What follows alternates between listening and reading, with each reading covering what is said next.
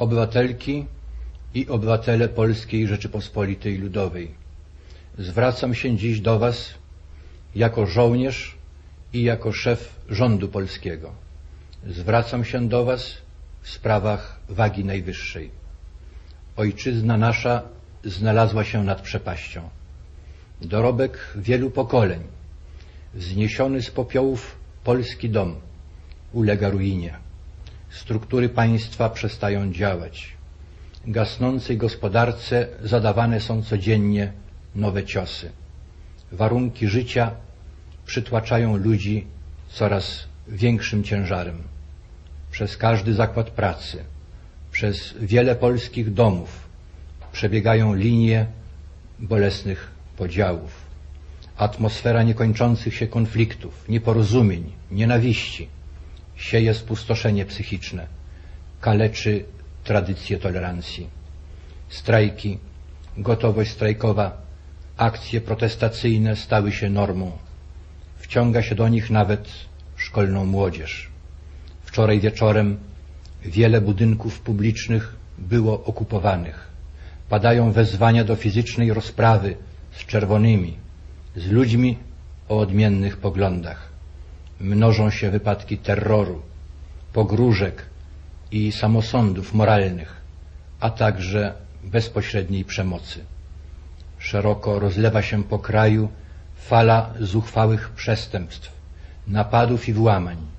Rosną milionowe fortuny rekinów podziemia gospodarczego. Chaos i demoralizacja przybrały rozmiary klęski. Naród osiągnął granicę wytrzymałości psychicznej. Wielu ludzi ogarnia rozpacz. Już nie dni, lecz godziny przybliżają ogólnonarodową katastrofę. Uczciwość wymaga, aby postawić pytanie, czy musiało do tego dojść. Obejmując urząd prezesa Rady Ministrów, wierzyłem, że potrafimy się podźwignąć. Czy zrobiliśmy więc wszystko, aby zatrzymać spiralę kryzysu? Historia oceni nasze działania. Nie obeszło się bez potknięć. Wyciągamy z nich wnioski. Przede wszystkim jednak minione miesiące były dla rządu czasem pracowitym, borykaniem się z ogromnymi trudnościami.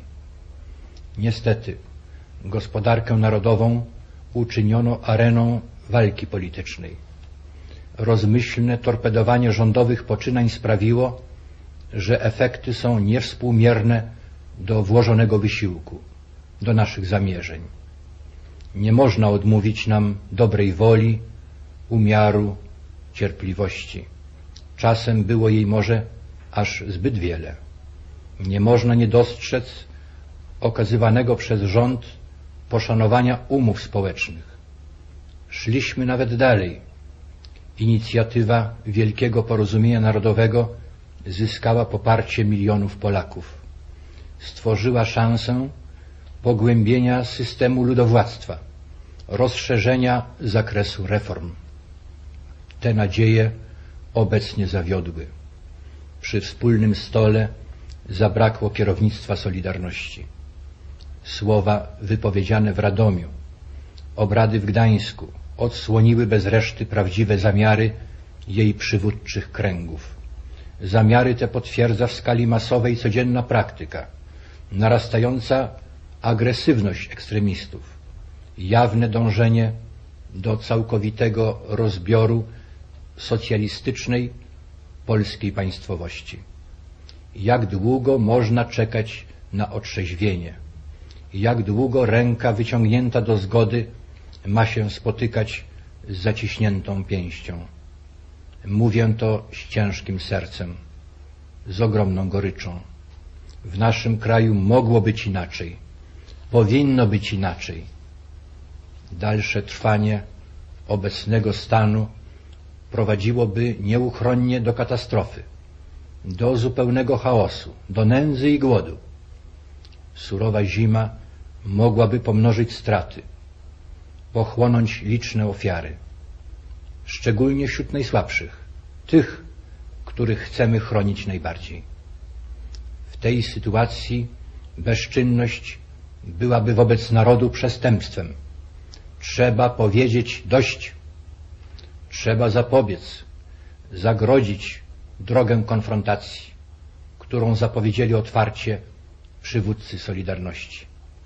Musimy to oznajmić właśnie dziś, kiedy znana jest bliska data masowych politycznych demonstracji, w tym również w centrum Warszawy, zwołanych w związku z rocznicą wydarzeń grudniowych. Tamta tragedia powtórzyć się nie może, nie wolno, nie mamy prawa dopuścić, aby zapowiedziane demonstracje stały się iskrą, od której zapłonąć może cały kraj. Instynkt samozachowawczy narodu musi dojść do głosu. Awanturnikom trzeba skrępować ręce, zanim wtrącą ojczyznę w otchłań bratobójczej walki. Obywatelki i obywatele, wielki jest ciężar odpowiedzialności, jaka spada na mnie w tym dramatycznym momencie polskiej historii. Obowiązkiem moim jest wziąć tę odpowiedzialność. Chodzi o przyszłość Polski, o którą moje pokolenie walczyło na wszystkich frontach wojny i której oddało najlepsze lata swego życia. Ogłaszam, że w dniu dzisiejszym ukonstytuowała się Wojskowa Rada Ocalenia Narodowego.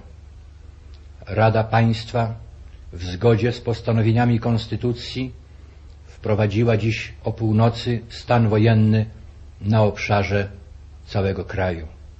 Chcę, aby wszyscy zrozumieli motywy i cel naszego działania. Nie zmierzamy do wojskowego zamachu, do wojskowej dyktatury. Naród ma w sobie dość siły, dość mądrości, aby rozwinąć sprawny, demokratyczny system socjalistycznych rządów. W takim systemie siły zbrojne będą mogły pozostawać tam, gdzie jest ich miejsce, w koszarach. Żadnego z polskich problemów nie można na dłuższą metę rozwiązać przemocą. Wojskowa Rada Ocalenia Narodowego nie zastępuje konstytucyjnych organów władzy. Jej jedynym zadaniem jest ochrona porządku prawnego w państwie, stworzenie gwarancji wykonawczych, które umożliwią przywrócenie ładu i dyscypliny. To ostatnia droga, aby zapoczątkować wychodzenie kraju z kryzysu, uratować państwo przed rozpadem. Komitet Obrony Kraju powołał pełnomocników, komisarzy wojskowych na wszystkich szczeblach administracji państwowej oraz w niektórych jednostkach gospodarczych. Pełnomocnicy komisarze otrzymali prawo nadzorowania działalności organów administracji państwowej od ministerstw do gmin.